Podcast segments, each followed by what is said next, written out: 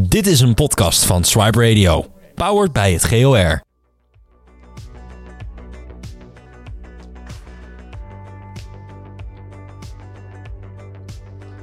Ja, een hele goede morgen. Leuk dat je luistert naar de allereerste aflevering van de podcast Hier Swipe Radio. Mijn naam is Juri Nobre en in deze podcast Bijzondere Verhalen bespreek ik met mijn gasten over hun bijzondere verhalen. Dat kunnen leuke verhalen zijn, maar ook erg serieuze. Vandaag gaan we het hebben over het onderwerp transgender. Hoe is het om transgender te zijn en wat komt er allemaal bij kijken? De gasten in mijn studio vertellen hier altijd graag meer over. Welkom Lara van de Vier en Alvier Warners. Dankjewel. Vertel eens Lara, kun je wat uh, over jezelf vertellen? Ja, zeker. Ik ben Lara van der Veer. Ik ben 20 jaar en ik zit in mijn transitie van man naar vrouw. Dankjewel. Alvier? Ja, nou, ik ben Alvier Warners. Ik ben 20 jaar en ik zit in mijn transitie van vrouw naar man. Dankjewel en uh, nogmaals leuk dat jullie er zijn. We hebben een hele hoop onderwerpen om te gaan bespreken, dus laten we snel gaan beginnen. Uh, waar zouden jullie graag mee willen beginnen? Wat, wat vind je belangrijk om mee te starten? Um, ja, Ja, de wachtlijsten bij, uh, bij het ziekenhuis, bij, uh, bij het VU Amsterdam, die zijn ontzettend lang. Um, die kunnen momenteel volgens mij wel oplopen tot drie jaar.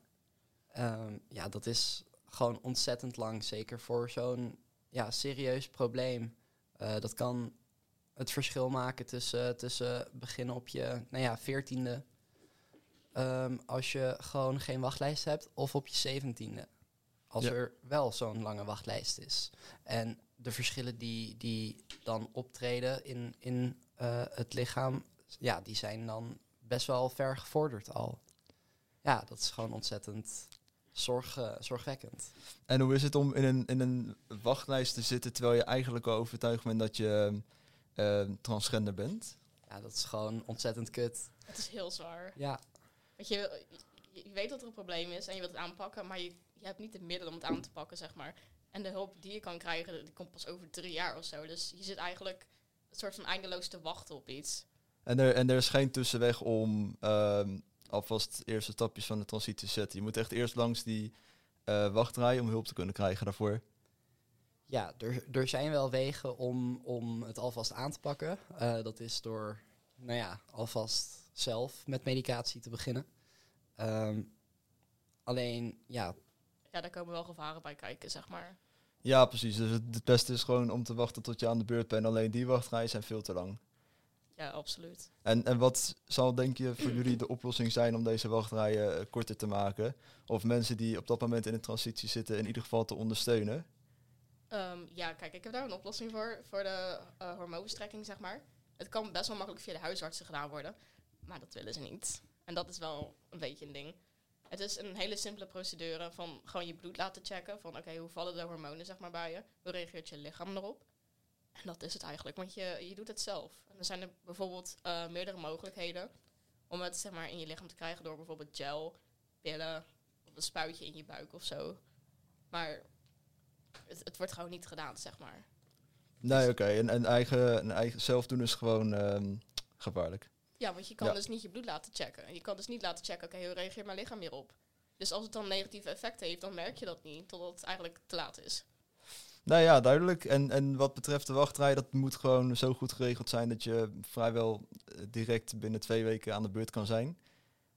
Ja, het liefst wel, maar dat zal waarschijnlijk nooit gebeuren. Ja, nee, uh, het liefst natuurlijk wel. Alleen uh, daar zitten gewoon achterliggende problemen bij uh, de overheid achter, maar ook bij het ziekenhuis zelf. Um, waardoor die wachtlijsten gewoon zo ontzettend lang zijn. Ja. ja. En wat ik heb begrepen over wachtlijsten, maar ik weet niet of het klopt. Volgens mij moet je 18 jaar zijn om uh, je transitie te mogen ondergaan. Of is nee. dat niet waar? Oh, dat, dat heb ik ergens verkeerd begrepen. Nee, dan. dat is niet waar. Het, uh, volgens mij, als ik het goed, uh, goed heb, dan is het zo dat je um, onder de 16 mag beginnen met hormoononderdrukking, zodat de puberteit niet plaatsvindt. en vanaf je 16e mag je met plaatsvervangende hormonen beginnen. Oké, okay. ja, dus je kan gewoon wel alvast beginnen. Ja. Dat is wel fijn inderdaad. Um, Oké, okay, nou ja, duidelijk. Uh, ik hoop inderdaad dat de wachtrijen korter worden voor um, mensen in transitie. Wat ik uh, best een lastig woord vind, Alvier. Gender... Sophie? Ge- Gendersofie? Genderdysforie. Dat. maar, maar ik denk dat ik die daar bespreek bij ingaan op eigen ontwikkeling. Want dan leg je natuurlijk ook wel een beetje uit wat je Oh, oké. Ja, ik, ik wist de betekenis van het woord eigenlijk ook niet. Dus die, ehm, daar komen we dadelijk eens op terug. Ja. Ehm, zei je? absoluut. Ja, nee, helemaal goed. Eh, het ontkrachten van vooroordelen, Lara. Ja. Daar wil je wat over kwijt. Ja, zeker. Ehm, wat ik zelf heel erg merk in de, in de samenleving, is dat er ontzettend veel vooroordelen naar, eh, tegenover transgenders of transgender personen zijn, ehm, die eigenlijk niet op zijn plaats zijn. Ehm, dat komt denk ik deels voort, in ieder geval eh, als ik vanuit mezelf spreek, van, van man naar vrouw. Eh, dan wordt er altijd gezegd van, oh, je bent maar een halve man dan, of Ehm, mensen hebben het idee dat als je trans, transgender bent van man naar vrouw, dat, je, dat je meteen eh, een jurk aantrekt, hele hoge hakken, een pruik opzet en onder, nou ja, drie centimeter make-up zit. Ehm, maar dat is helemaal niet waar. En ja, het, het is zo vervelend dat eigenlijk dat beeld, dat nou ja, van, vanuit de jaren, jaren 70, 80, 90 stamt, dat dat nog steeds ehm, eigenlijk in onze samenleving ingebed is. Ja, dat, dat is gewoon een, een, vooroordeel wat niet waar is. Nee, En gewoon erin gestampt zit bij iedereen. nou, En- niet zozeer bij iedereen, maar wel bij, wel bij heel veel mensen. Er, er, er heerst zoveel eh, desinformatie over ehm, transpersonen. En juist omdat er zoveel desinformatie is, krijgen mensen die, die onjuiste vooroordelen. Want ja, wij zijn ook gewoon normale mensen. Ja, Ja, nee, nee, zeker. En zo'n vooroordeel, al is het misschien eh, niet persoonlijk gericht, maar algemeen. Doet dat je kwetsen? Of doet dat jullie kwetsen? Ehm, nee, het is vooral heel vervelend dat ehm, mensen een label op je plakken en daarbij een bepaald beeld hebben. En daarom sta je dus eigenlijk al 3-0 achter bij, bij die mensen die, Ja. Zo denken. Zeg maar, die kunnen, die kunnen je dan niet meer serieus nemen of wat dan ook. Ehm, ja, en dat is gewoon heel naar. Nee, nee, ja, dat, ehm, dat kan ik me zeker voorstellen. Ja. Om, eh, om zo'n vooroordeel te krijgen, zeker als je er zelf in zit. Ehm, ik had zelf nog een vooroordeel die ik eh, regelmatig lees op, eh, op internet. En ik vraag me af wat jullie daarvan vinden. Het is, het is best een hard vooroordeel, maar veel mensen zeggen dat transgender zijn gewoon ziek zijn is. En ehm, dat, dat, dat je het moet accepteren. En dat is een vooroordeel die ik heel vaak meekrijg, of meekrijg, heel vaak zie. Wat vind je van zo'n ehm, ja, belachelijk, brutaal eh, vooroordeel? Ehm, ik vind het nogal ongegrond. Ehm, Waanzin. Echt gewoon, het is absurd. Ja, maar ook ehm, de mensen die dat vinden, die hebben zich waarschijnlijk niet ingelezen. Eh, er zijn namelijk heel veel onderzoeken die zeggen dat eh, transpersonen het, ehm, hun brein meer lijkt op eh, het brein van hun gewenste geslacht dan op het brein van het geslacht waarmee ze geboren zijn. Dus ja, daarin zit al natuurlijk iets wat, wat dit ontkracht. Dat, dat eh, zo iemand ziek zou zijn. Zo, zo iemand wordt dan eigenlijk gewoon zo geboren. Ja, nou ja, ik, ik ben het natuurlijk ook niet eens met het vooroordeel. En ik vind het zeker voor transgenders gewoon een, een keiharde beledig- belediging. en ik hoop ook snel dat dat vooroordeel zelf de, de wereld uit gaat. Want dat is natuurlijk niet waar. Het is natuurlijk gewoon een heel serieus iets. Ehm, Klopt, maar zo gaan mensen, zeg maar, eh trans mensen wel als een soort scheldwoord of zo zien. Mijn broertje die heeft lang haar en hij wordt echt gewoon heel vaak transgender of zo op straat genoemd. Oké, dan, dan schandaal scheldwoord. Die heb ik nog niet eerder gehoord. Maar dat, ehm, ja oké, okay, lang haar wordt hij gewoon eh, trans genoemd. Ja, Terwijl dat gewoon bij jongens ook kan. ja, nee, Ja, het zijn nee. zulke dingen. Dan denk ik van, oké, maar waarom moet dat een scheldwoord zijn? Het, is gewoon, het zijn gewoon normale mensen, weet je. Denken jullie dat ehm, transitie, transgender zijn te onbekend is? In Nederland of in de wereld? Ja, absoluut. Ja, Heel veel mensen weten niet wat het eigenlijk inhoudt, zeg maar. Gewoon de term transgender eigenlijk al amper laat staan, genderdysforie en alles dat daarachter zit. En zal daar, nou ja, ik wil niet specifiek zeggen op onderwijs, maar zal daar meer voorlichting over moeten komen, meer uitleg, dat mensen daarvan weten? Nou ja, heel eerlijk vind ik voorlichting altijd een beetje een halve maatregel. Ehm, ja, mensen doen toch wel lekker wat ze zelf willen. Ehm, ik denk niet zozeer dat, eh, dat voorlichting daarbij helpt. Ehm, maar wat denk ik wel helpt, is dat mensen elkaar gewoon lekker in hun waarde moeten laten. Ja, dat, dat, dat is één ding dat zeker Ja. is. En eh, ik, ik hoop natuurlijk ook dat dat gewoon, ehm, nou ja, het zal natuurlijk niet heel snel gebeuren, maar eh, naarmate de jaren dat het gewoon geaccepteerd wordt. Zeker met alle dingen die eh, steeds bekender worden als non-binair, ehm, hoop ik gewoon dat mensen elkaar beter gaan accepteren daarmee. Alvier, jij wilde het hebben over genderneutrale wc's. Ja, en dat is dan zeg maar niet alleen voor trans mensen, maar ook gewoon voor non-binaire, omdat die ook nog wel eens heel veel moeite ermee kunnen hebben. Maar, en dan, en dan begin ik even bij een voorbeeld. Ik was vorige week in de Efteling en ik moet naar de wc. En dan zie ik twee hokjes waar ik denk, oké, welke ga ik in? Mijn geboortegeslacht, om ruzie en discriminatie, weet ik veel wat, te voorkomen. Of eigenlijk het hokje waar ik me veel fijner bij voel. Gewoon, weet je wel, veel meer op mijn gemak. Nou, dan ga ik dan toch maar voor mijn geboortegeslacht. Want ik heb gewoon geen zin om met die discriminatie te dealen, zeg maar. Weet je, dat je dan weer mensen op je afvraagt, jij hoort hier helemaal niet. En dat je dan denkt van, ik moet gewoon naar de wc, ga weg. Maar dat zijn reacties die echt komen Ja, als je als trans in verkeerde wc loopt. Niet zozeer verkeerd, maar Ja, nee, ik snap wat je bedoelt. ja, ver- verwarring bij mensen opbrengt. Ja, absoluut. Ik, ik was eh, op een gegeven moment gewoon de, de mannen-wc gegaan, zeg maar. En mijn broertje ook. En ik was dan gewoon mijn ding aan het doen. En ik hoor buiten wat gebeuren. En ik denk, oké, wat is dit? En ik kom naar buiten en ik zie mijn broertje daar ruzie maken. Omdat mensen dus waren van, ja, wat, wat doet die daar? Die hoort er helemaal niet. En dus eigenlijk gewoon herrie zaten te schoppen. En hij kwam voor me op van, hé, hey, eh, laat hem met rust. Ja, En Ja. dat gebeurt elke keer als ik naar de wc ga in het openbaar. Als Ja. het nou gewoon een genderneutraal is, dan zouden we dat niet hebben. Dan zouden mensen zich gewoon veel meer op hun gemak voelen. Van, oké, krijg ik weer discriminatie? Krijg ik weer ruzie? Krijg ik dit? ja, en dan gewoon een wc waar iedereen kan, heb je dat, eh, heb, heb je dat probleem niet. Ja, precies. Weet je, je, je wil gewoon je ding daar wegwezen. Ja. Het is niet zozeer dat je daar een heel gesprek gaat hebben. Nee, nee, daar, daar zijn, de, daar zijn de wc's inderdaad niet voor. Nee, ehm, duidelijk punt. Ja, ehm, ik denk ehm, niet zozeer dat er niet per se zeg maar één wc voor iedereen zou, zou moeten zijn. Ehm, maar ja, ik vind het heel erg fijn als er bijvoorbeeld gewoon een mannen-wc zou zijn, een vrouwentoilet, ehm, maar ook een genderneutrale wc. Ehm, zodat je ja, gewoon niet die confrontatie aan hoeft. Nee, Ehm, precies. Ja, zeker ook voor mij in, in het begin van mijn transitie was naar, naar een openbaar toilet gaan echt wel een dingetje. Dat vond ik, eh, vond ik heel spannend.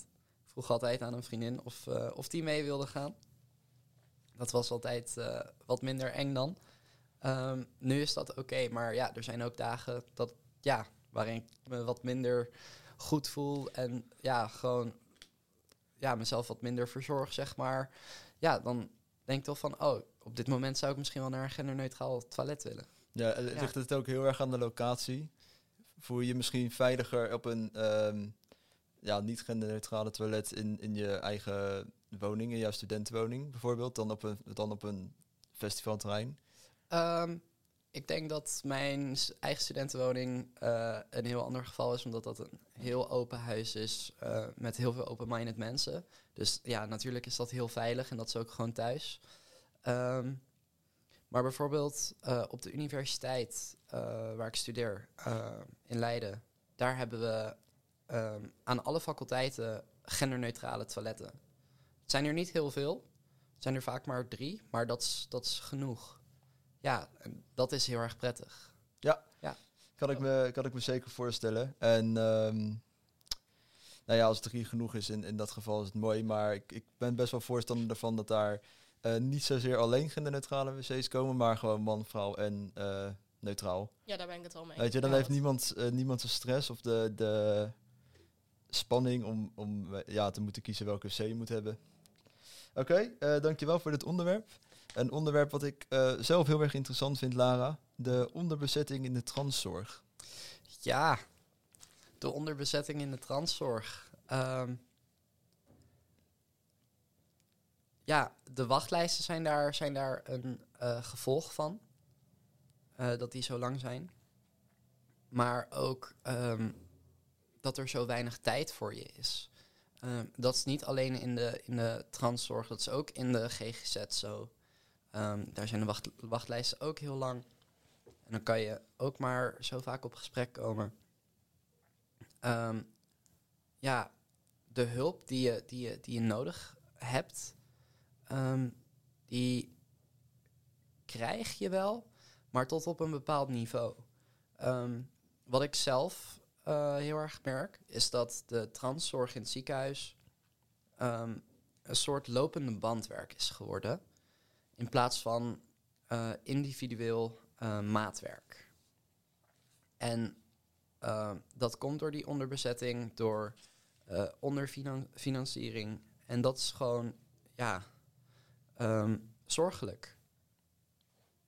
Ja, het gaat, het gaat over je eigen welzijn. Um, en of dat nu in, in de transzorg of GGZ is, het is belangrijke zorg. Want als men niet de zorg krijgt die, die men nodig heeft, dan ja, krijg je gewoon denk ik, niet functionerende burgers die, die gewoon tegen heel veel problemen aanlopen.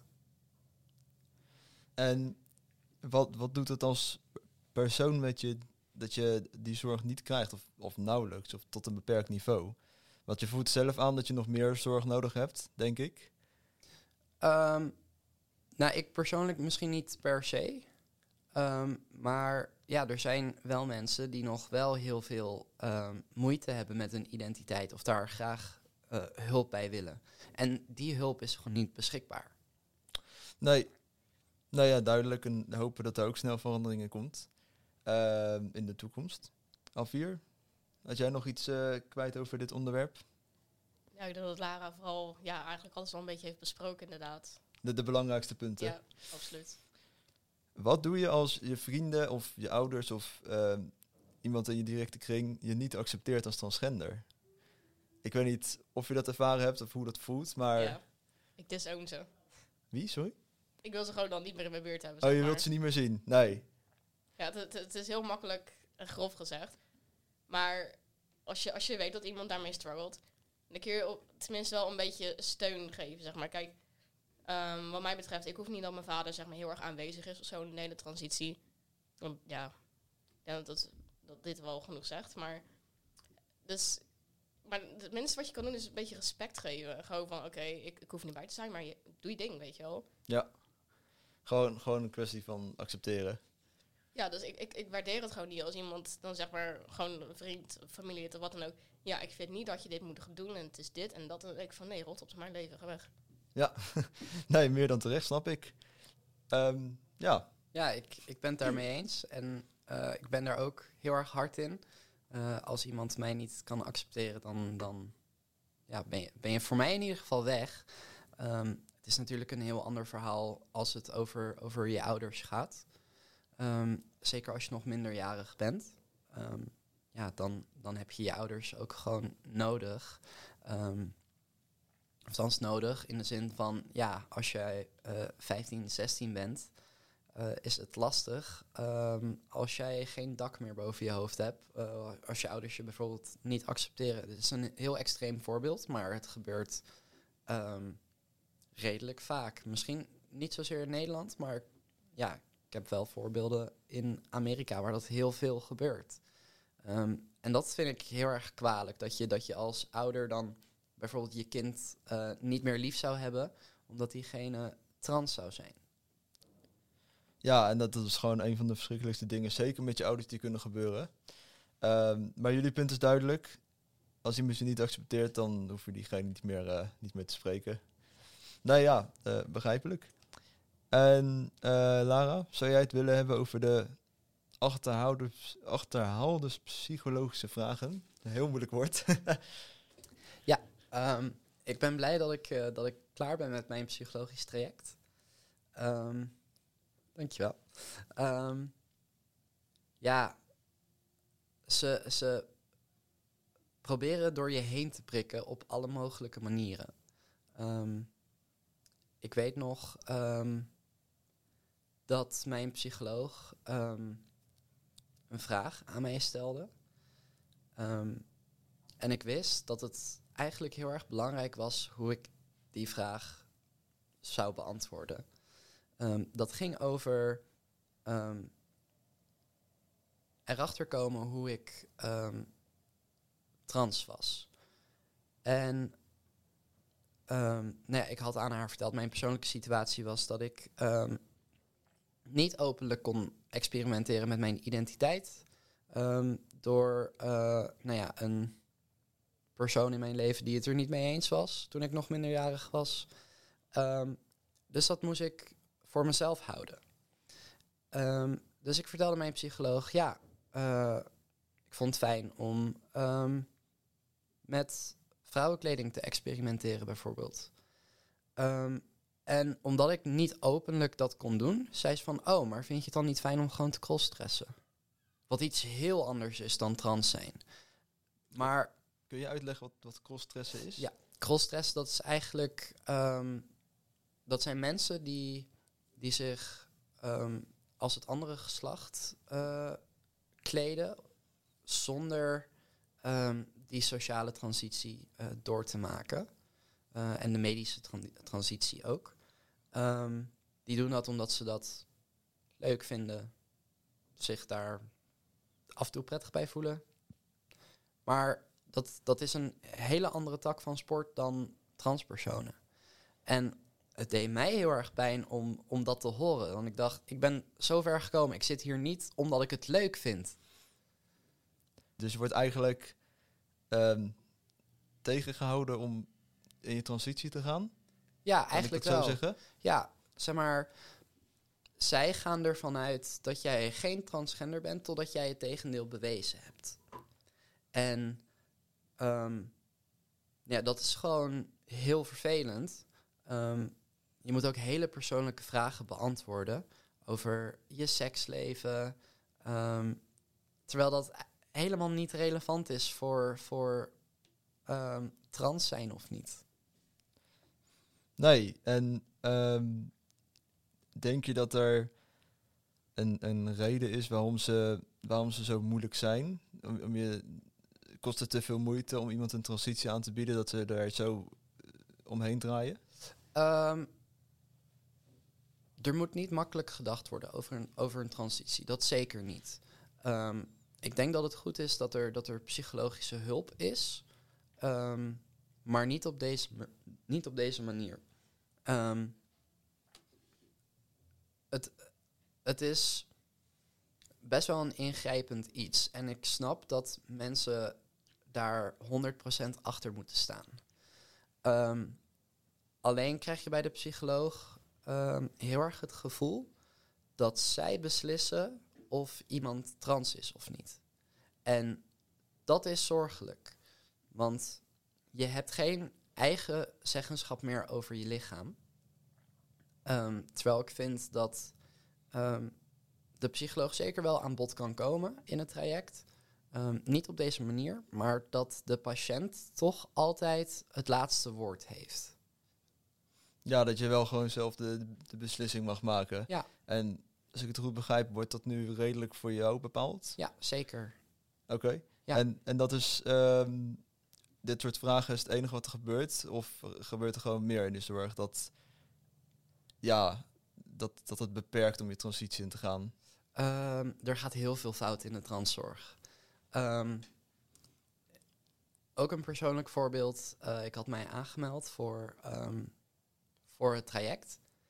En ehm, dat was in 2017. Eh, toen had ik de brief gestuurd naar het ziekenhuis die ik van mijn huisarts gekregen had. En daar staan ook contactgegevens op. Maar mijn contactgegevens waren gewijzigd. Dit had ik netjes doorgegeven. Ehm, nou, dit is mijn telefoonnummer. eh, dit is mijn nieuwe e-mail. Eh, ik zou graag een bevestiging zien dat dit goed aangekomen is en aangepast is. Nou, die bevestiging kreeg ik inderdaad.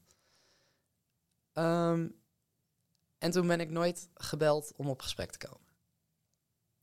Oké, dus, dus je wordt bevestigd van alles is doorgekomen, alles is goed. En vervolgens eh, is het eigenlijk zoek het maar uit. Ja, totdat ik er zelf achteraan belde. Ehm, anderhalf jaar later. Ehm, want de wachtlijst was al drie jaar. Eh, toen kwam ook corona er nog tussendoor. Dus ik dacht, ik wacht even geduldig af. En toen in augustus van 2020 belde ik op. Eh, dat zou dan net iets minder dan drie jaar zijn. En toen zeiden ze, oh, maar we hebben u al in januari 2019 proberen te bereiken.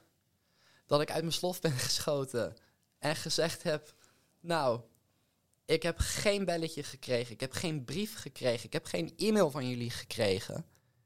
Dus dit lijkt me heel sterk. En toen kon ik binnen twee weken op gesprek. Dus zodra je, je- ja, zeg maar, zodra je je bek open trekt, dan, dan, dan zijn ze opeens oplettend. Ja. Oké, Eh, jammer dat het zo gaat.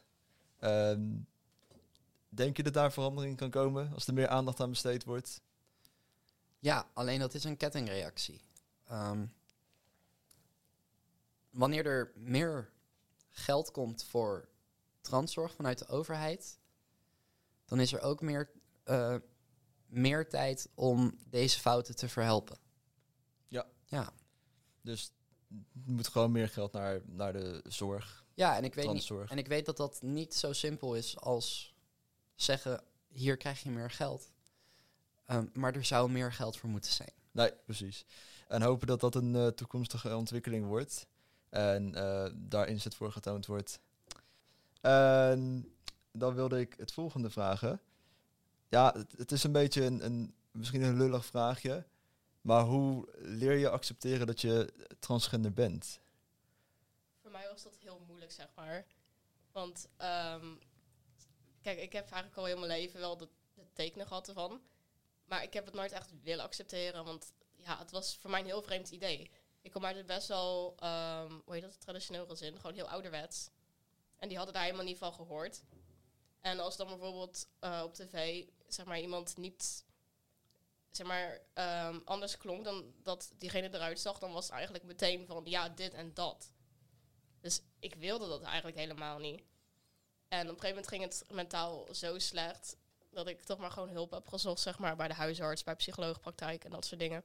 En toen kwam dat eigenlijk wel uit van, oké, shit, jij hebt misschien daar een probleem. Maar ze konden niet echt de hulp bieden, want ja, wachtlijsten en dat soort dingen. Maar, maar door de voor, vooroordelen die op tv kwamen, of de gedachten die eh, eh, mensen die direct de kring daarmee kregen, ben je terughoudend geweest tot dat besluit? Oh ja, absoluut. Ik heb dat eigenlijk wel, ja... Kijk, ik wist zelf ook wel, oké, er gaat hier wel iets mis, zeg maar. En ik heb het gevoel dat ik weet wat het is. Maar ik, ik, wil dat niet en ik had het niet echt plaatsen. Nee, ja, klinkt ingewikkeld. Vind het ook heel moeilijk om eh, in te beelden hoe zoiets voelt. Ja, dit is Eh. nog best wel, zeg maar, het ligt erop. Het gaat veel dieper dan dat. Ja, nee, dat, nee, dat geloof, ik, eh, geloof ik graag. Maar eh, dat zit natuurlijk eh, mentaal, die gedachte van, weet je, die switch, ik voel me niet in mijn vel. Maar hoe is dat als je naar je eigen lichaam kijkt? Terwijl je weet dat het niet jouw lichaam is. Oh. Ja. Ja. Ehm, ja, dat is vreselijk. Ehm, voor mij begon het ehm, te spelen toen ik in de puberteit eh, begon te komen. Ehm, mijn lichaam ging heel erg veranderen. En ik had echt zoiets van, wat gebeurt hier? Eh, stop, eh, alarm, alarm, zeg maar. Ehm, toen heeft het nog wel een tijdje geduurd voordat ik erachter kwam wat, wat het was en waar het vandaan kwam.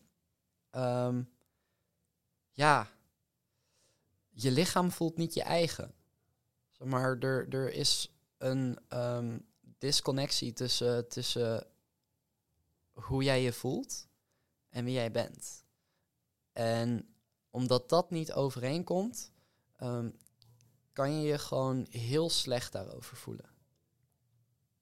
Ja, dat, dat ehm, kan ik me voorstellen. Zeker als je, ja, hoe zeg je dat? Want je ziet anderen eh, die eh, wel in jou, ehm, nou vind ik het heel moeilijk om te zeggen. Ehm, in jouw geval zie je wel iemand eh, als vrouw lopen al. Word je dan een soort van jaloers of onzeker? Als je iemand ziet die zeg maar al, al vrouw is. En Eh. jij weet dat je die, die weg moet gaan om zo te worden. Je, je hebt het over eh, andere transvrouwen? Of nee, nou, gewoon, gewoon vrouwen in het algemeen. Dat je ziet van, ik zie jou een vrouw en zo wil ik ook zijn. Maar ik moet eerst Ja. nog dit helemaal ondergaan. Ja, ehm, ik vind ehm, trans zijn wel een hele mooie ervaring. Eh, je leert jezelf wel echt kennen. Eh, dat houdt niet in dat het, dat het makkelijk is, absoluut niet. Ehm, maar ja, zeker. Je, je hebt nog een heel pad te bewandelen, zeg maar. En er gaat heel veel tijd overheen.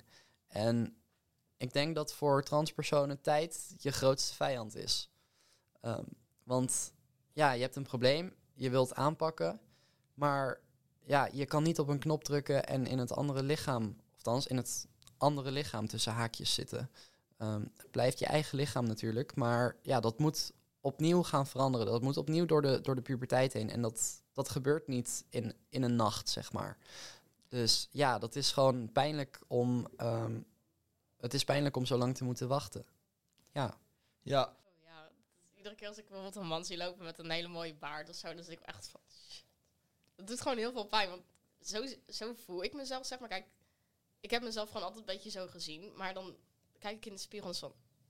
Weet je, dat is ook hoe anderen me zien. Dat vind ik echt heel erg. Ik ben gewoon altijd, iedere keer als, ik- als, iedere als ik iemand zo zie, dan word ik gewoon jaloers. Gewoon van, shit, ik, ik ben bezig om er zo uit te zien. Om gewoon me goed te voelen in mijn eigen vel, weet je wel. Om me te voelen zoals ik ja, mezelf zie. En dan moet ik nog zo lang wachten. Het voelt alsof er geen einde aan komt. Alsof je leven stilstaat. en, en dat maakt je ook gewoon, denk ik, onzeker als persoon. Nou, leuke wij, eh, ja, dan noem ik even genderdysforie, dat zo aan bod komt. Ehm, er horen nog wel eens depressieve en suicidale klachten bij. En die, die ervaar ik op dit moment heel erg, zeg maar. Dus dat, dat maakt allemaal nog een beetje erger, zeg maar. De transitie die nog Alles. moet komen, alles eromheen, die zorgt voor die klachten. Ja, gewoon van het misgenderd worden tot gewoon het gevoel krijgen van... shit, ik zit gewoon in het verkeerde lichaam, zeg maar. Alles. Vind ik het knap hoe je ermee, eh, hoe je ermee omgaat. Hoe vrolijk je uit. Wat dank je. Je, ziet er goed uit. Het komt echt goed over. Vind ik heel goed. Ehm, en wat ik me afvraag, hoe is het om op, opnieuw een naam te krijgen? Eh, wellicht een gevoelig onderwerp, als je het liever niet hebt, eh, dat mag natuurlijk ook. Maar hoe is het om ehm, in jouw geval een vrouwennaam te krijgen en in jouw geval een mannennaam? Ehm, en anders genoemd te moeten worden, terwijl je eigenlijk wel met je oude naam in je hoofd zit. Als jullie daarover willen spreken. Ja, zeker. Ehm, ik eh, ga nu ehm, anderhalf jaar nu al door het leven als Lara. Ehm, en het verhaal daarachter is eigenlijk best wel mooi. Ehm, ik, eh, ik ben eigenlijk naar mijn moeder toe gegaan ehm, en gevraagd: eh, hoe zou je me eh, noemen als ik een meisje was geweest? En mijn moeder wist het niet. Dus ze was, ze was blij dat ze, dat ze eigenlijk een jongen had gekregen, want ze had geen meisjesnaam. En ehm, nou ja, dus dat heb ik toen aan haar gevraagd. En toen eh, heeft zij ehm, Lara bedacht. Ze zei, eh, als ik naar je kijk, dan zie ik, dan zie ik een hele stoere meid. Ehm, en dan kan ik eigenlijk alleen maar aan Lara denken, van Lara Croft. Eh, dus dat is heel erg, heel erg mooi. Maar ja, het proces van, van die verandering van naam is heel erg wennen. Want nou ja, je gaat toch, ehm, in mijn geval dan 19 jaar door het leven eh, met een andere naam. Ehm, en dan om opeens een nieuwe naam te krijgen, ja, dat is even wennen. Ik weet nog dat, dat eh, vrienden van mij riepen, eh, Lara. En ik het compleet negeerde. Dacht, en toen, nou ja, na drie keer was, oh wacht, dat ben ik. dat is, eh, ja, dat, dat is gewoon wennen, omdat je natuurlijk het, het niet gewend bent. Ja. En eh, zeker, ik heb het met jou ervaren om, eh, om te switchen van, van naam. Om aan te spreken, vond ik het ook heel erg raar van, klopt dit wel? Oh ja, dat, dat klopt wel. Ja. En dan zo reageren of, of ehm, hoe heet dat? Daar is een heel mooi woord voor, ik weet het even niet. Maar ehm, hem, haar, de, dingen verkeerd uitspreken, moet je ook... worden. Voornaam worden. Ja. Moet je, moest ik ook heel erg gaan wennen om, eh, om voortaan zij te zeggen. Ja. Eh, of tegen al vier hem. Grappig dat ik nu toevallig twee mensen ken. Eh, dus dat is een vrij goede oefening om daar, om daar aan te wennen. Maar eenmaal als je in die flow zit, zeg maar, ehm, je gaat er toch in mee, weet je. Je bent vrienden met iemand die in de transitie zit en je kent het. Of tenminste, je maakt het redelijk van dichtbij mee. Dus dat went. En ik ken je inmiddels niet anders dan Lara. Dat is fijn. Alvier, hoe, eh, hoe ervaarde jij het? Eh, in tegenstelling tot je oude naam. Oh, ik vond het geweldig. Je ik je vond het geweldig? echt- Ja, ik, ik heb nooit echt van mijn oude naam gehouden, zeg maar. En ik verzon eigenlijk altijd een nieuwe naam. En ehm, het leuke was bij een nieuwe naam verzinnen, is dat ik deze eigenlijk helemaal zelf heb samengesteld. Vond ik best wel leuk om te doen. Oh, wat leuk. Ja, dat was zeg maar eh, ook een betekenis waar ik me echt in kon vinden, zeg maar. Het is afgeleid van het oud-Noorse woord alfir, dat je misschien herkent, maar dan met de F. En dat betekent elf. En ik, ik hou heel erg van elfen. En Wat mijn mooi. gamertag is ook gewoon elvenlord, zeg maar. Dus dat, dat vond ik helemaal passen. En ik kan me gewoon geen andere naam voorstellen om door het leven mee te gaan. Dus ik ben heel blij dat ik dat heb kunnen veranderen. En dat wennen viel eigenlijk ook wel mee. Kijk, ehm, ik heb dan november of december heb ik, ehm, ben ik van klas gewisseld. En toen heb ik ook meteen gezegd, oké, maar ik ga nu wel onder een andere naam. En ik heb mijn, ehm, hoe heet dat, mijn roepnaam hier op school laten veranderen. Zodat overal in het systeem ook gewoon nu alweer staat. Wat En fijn. ja, ik, vond Ja, het, ik vind het echt geweldig. Dankjewel. Ja, nee, die, die heb ik toevallig ook mee, eh, meegekregen. Dat, Ja. ik, eh, dat ik nog dacht, oh, we hebben een nieuw iemand in de klas. Nee, de naam is veranderd. Ja, dat was Maar- echt in de eerste week of zo. Ja, ja, het maar ik had, ik had de oude naam natuurlijk nog gezien. Ja, klopt. Toen dacht ik, oh, die is, eh, die is veranderd van opleiding. oh ja, ik, en toen, eh, toen maakte hij het bekend. Ehm, maar inmiddels ben ik ook niet anders gewend dan, eh dan. Ja, dat is fijn te Dat is helemaal goed. Ja, laten we het hebben over ehm als jullie willen ingaan op eigen ontwikkeling. En daarbij komend jouw, jouw stukje van het woord waar ik heel veel moeite mee heb. Ja, genderdysphorie. Dat. Ja, het, het heeft een best wel ja, simpele betekenis die ook al een paar keer aan bod is gekomen. Maar het betekent eigenlijk gewoon ja, je niet voelen in het lichaam waarin je geboren bent, zeg maar. In mijn geval, ik ben geboren als vrouw, maar zo heb ik me nooit gevoeld. En ik voel me man, dus ik ga nu naar man toe. Dat is eigenlijk gewoon ja, last hebben van... Oké, ik ben geboren als dit, maar ik voel me dit. Dat is het. Dat, dat is hoe het... eh, Ja, dat is een best wel fancy term. ja, ja, zeker. Ja. Ehm, ik denk dat Alfier het eh, heel erg goed uitgelegd heeft. Ehm, Dankjewel, want ik ben niet zo heel goed in uitleggen, ik. Nou ja, het, was, een, was gewoon duidelijk, eh, duidelijk omschreven. nee, Alfier heeft, eh, ja, heeft het goed uitgelegd. Ik denk dat ehm, bij genderdysforie ehm, je niet prettig voelen in je eigen lichaam... dat niet prettig de lading niet helemaal dekt. Ehm, Het was nog licht gezegd. Ja, inderdaad. Ehm, er komt ehm, heel veel. ehm, ja, er, er kan best wel wat zelfhaat naar boven komen daarom. Eh, er kan best wel veel angst daardoor naar boven komen. Ehm, en er kan ook heel veel, dat noemen ze body dysmorphia, naar boven komen. Eh, en dat is eigenlijk dat je, dat je niet kan zien hoe je er zelf uitziet. Dus jij voelt je bijvoorbeeld eh, heel erg vrouwelijk. Ehm, en omdat je je zo voelt, ehm, kijk je in de spiegel en denk je, oh, ik zie er best wel vrou- vrouwelijk uit. In mijn geval zat ik eh, drie maanden aan de hormonen en ik voelde me helemaal top. Ik was heel erg gelukkig. Ehm, en je denkt dat je er al uitziet als vrouw. En dan stap je eigenlijk de, de wijde wereld in. En dan ehm, wordt er gezegd: Oh, meneer, mag ik wat vragen? Of ehm, hij is, nou ja, dit. Of ehm, nou ja, dat, dat, ja, dat doet dan heel veel pijn. Ja, Ja, gewoon nog, nog anders genoemd worden ja, eh, dan dat je daadwerkelijk bent. Ja.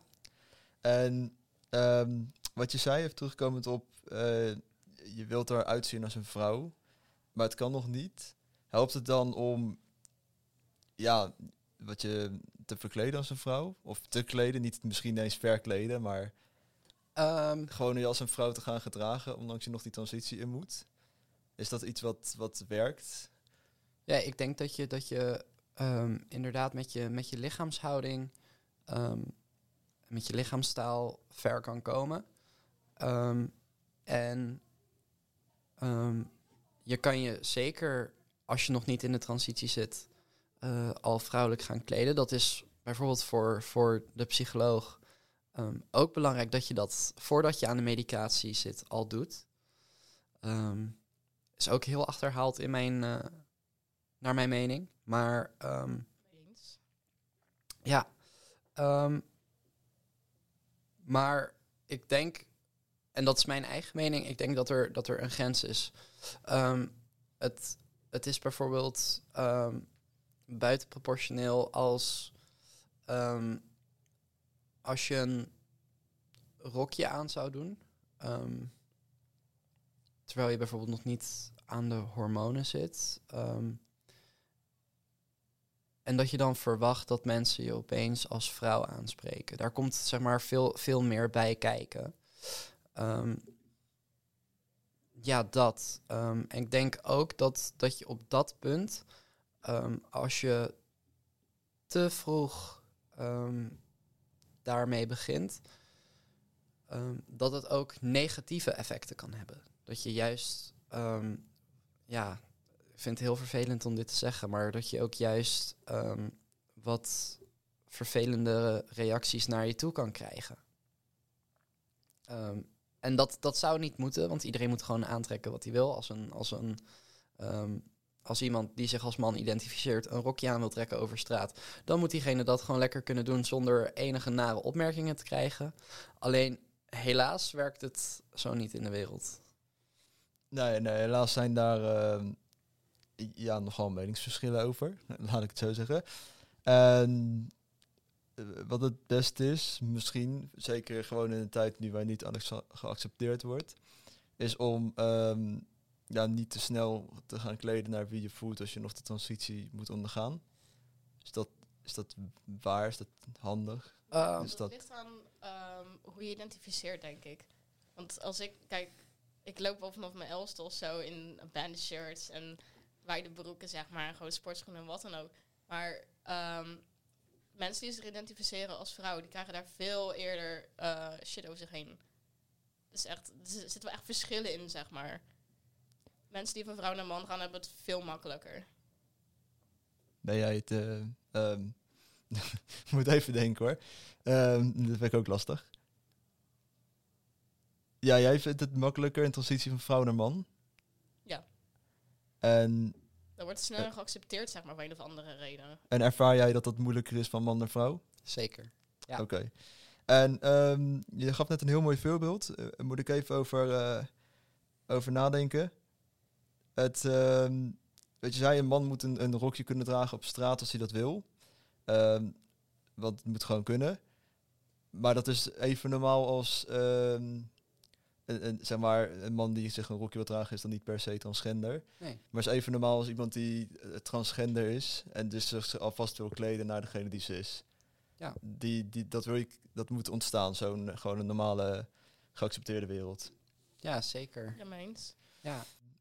Is er iets wat, eh, wat jullie andere transgenders of niet-transgenders eh, mee willen geven? Weet je, hoe accepteer je iemand of hoe ga je juist dit proces doorheen? Eh, tips, ervaringen, iets wat je graag aan mensen wil meegeven. Oké, ja. Ik moet nog even denken. Ehm, voor ehm, andere transpersonen die misschien nog ehm, bang zijn of in de kast zitten, ehm, zou ik zeggen: ehm, wees wie je wil zijn. Want je leeft je leven voor jezelf, niet voor iemand anders. En ehm, ja, het is heel erg belangrijk dat je, dat je gelukkig wordt. Ehm, dus ik zou zeggen, wees, wees wie je wil zijn. Ehm, en heb scheid aan iedereen. Dat zijn, dat zijn duidelijke, Ja. duidelijke woorden. Ja. helemaal mee eens. Ja, gewoon niet, niet, niets aantrekken van de voordelen. Ook al is dat eh, denk ik heel lastig. En ik denk dat goede vrienden of familie of eh, mensen die je gewoon accepteren hier het beste bij helpen. Ehm, gewoon waar je jezelf kunt zijn. Ja, zeker. En voor ehm, cisgender personen, dus personen die gewoon in het lichaam geboren, eh, zich identificeren ehm, met het geslacht waarmee ze geboren zijn, eh, wil ik zeggen, laat elkaar gewoon lekker in, in, zijn waarde. Ja, nee, nee, mooie woorden. En ehm, hopen dat iedereen daar een voorbeeld aan neemt. Ja, ik even te denken. Ja, ik denk dat als je bijvoorbeeld ehm, iemand kent die door zoiets heen gaat, dat het minste wat je kan doen is wel een beetje ja, opzoeken, oké, wat houdt dit in, wat houdt dat in, hoe ga ik helpen? En dat als diegene dan met een nieuwe naam komt of uh, pronouns waarmee diegene zich fijner voelt, dat je die ook wel gaat gebruiken, zeg maar. En gewoon een beetje oefenen van, oké, ik zeg maar gewoon die nieuwe naam de hele tijd en gewoon een beetje, want het is gewoon je, jezelf aanleren om diegene dan weer anders te noemen. Dus het is alleen dat, het is heel simpel. Maar het schijnt voor heel veel mensen heel moeilijk te zijn. Ja, nou ja, ik had natuurlijk uh, in het begin met Lara, want die ken ik inmiddels uh, drie jaar, vier jaar denk ik, uh, transitie meegemaakt vanaf het begin. En die switch is natuurlijk voor een, ehm, je noemde het een heel mooi woord, voor iemand die niet transgender is. Een cisgender persoon. Een cisgender persoon is dat, ehm, nou ja, best ingewikkeld om te wennen, maar als je weet dat het je vrienden zijn, dan kan je dat accepteren dat het even in moet komen als routine. En dan dan, dan komt het vanzelf op zijn pad. Ja, nee, dat is zo. Maar ik heb bijvoorbeeld uh, mijn ouders die weigeren me dan zeg maar bij mijn nieuwe naam te noemen. En ik merk wel dat dat echt, echt steekt. Het doet echt pijn. Ja, snap ik. En nog steeds, accept of doen ze het niet? Ze doet nog steeds. En het is nu maanden geweest. Oh, wat vervelend om te horen. Ja, ik hoop dat er nog een beetje verbetering in gaat komen, zeg maar. Maar en in een gesprek gaan of zo is niet echt een optie daarvoor. Van oh, ik heb er zoveel gehouden. Ik, dan, dan, geef ik aan, ik voel me echt helemaal niet fijn daarbij. Ik alsjeblieft gewoon mijn nieuwe naam gebruiken. Of gewoon mijn, mijn geboortenaam niet in je mond houden of zo. Gewoon niet zeggen. Maar zelfs dan, ja, maar ja, je bent uh, voor zoveel jaar mijn uh, kleine meisje geweest. En ik. Ja, dat, dat, dat, is onwijs confronterend, ja, denk ik. Dat, dat is het ook echt. Ja, uh, vervelend om te horen. En ik hoop dat je ouders daar eh, ja, gewoon snel mee omgaan. En ehm, nou ja, zoals Lara zei, heb gewoon scheid. En wees gewoon jezelf. Absoluut. En dat, dat doe je hier. Dat doe je hier bij ons op school. Laat je, eh, laten we je zien. We kennen je alleen als al vier. En uh, dat werkt prima. Kijk, weet je, er, er is een verschil tussen um, jouw oude naam weten. Weet je, je onthoudt het gewoon. Ja. Want dat zit er gewoon in, dat weet ik voor jullie allebei. Maar dat is niet, het is niet dat je iemand ziet en denkt, oh ja, jij heette vroeger zo. Nee, jij heet nu zo. En je bent zo. En ehm, zeker op de manier hoe jullie je gewoon gedragen, zoals je je voelt, ehm, zien mensen het niet anders. Of dan zie ik het niet anders. Ik kan niet voor iedereen spreken, maar zodra je het accepteert, is het gewoon heel makkelijk uh, bij te houden. Natuurlijk kan het gebeuren dat iemand zich verspreekt, maar dat zal nooit uh, hatelijk bedoeld zijn naar iemand. Nou, dat weten we ook wel. Ja, een foutje kan gebeuren. Nee, ja, precies. En uh, nou ja, ik vond het nooit zo erg om daarop uh, op gecorrigeerd te worden. Daar leer je alleen maar van. Precies. Dankjewel voor jullie verhaal. Uh, nogmaals, uh, ik heb echt respect voor jullie dat jullie hierbij zijn gekomen. Persoonlijke verhalen die je hebt gedeeld. klachten die bij komen kijken waar ik ook echt niet van wist. Dus eigenlijk nog meer rekening mee kan houden nu ik dit weet. Ehm, dankjewel en respect voor jullie. Ja, dankjewel. En naar alle mensen die geluisterd hebben, hou elkaar in, uh, in hun waarde en accepteer iedereen hoe die is.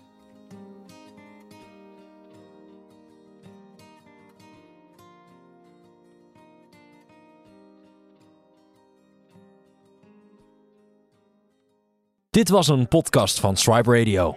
Wil je meer podcasts zien? Ga dan naar swiperadio.nl.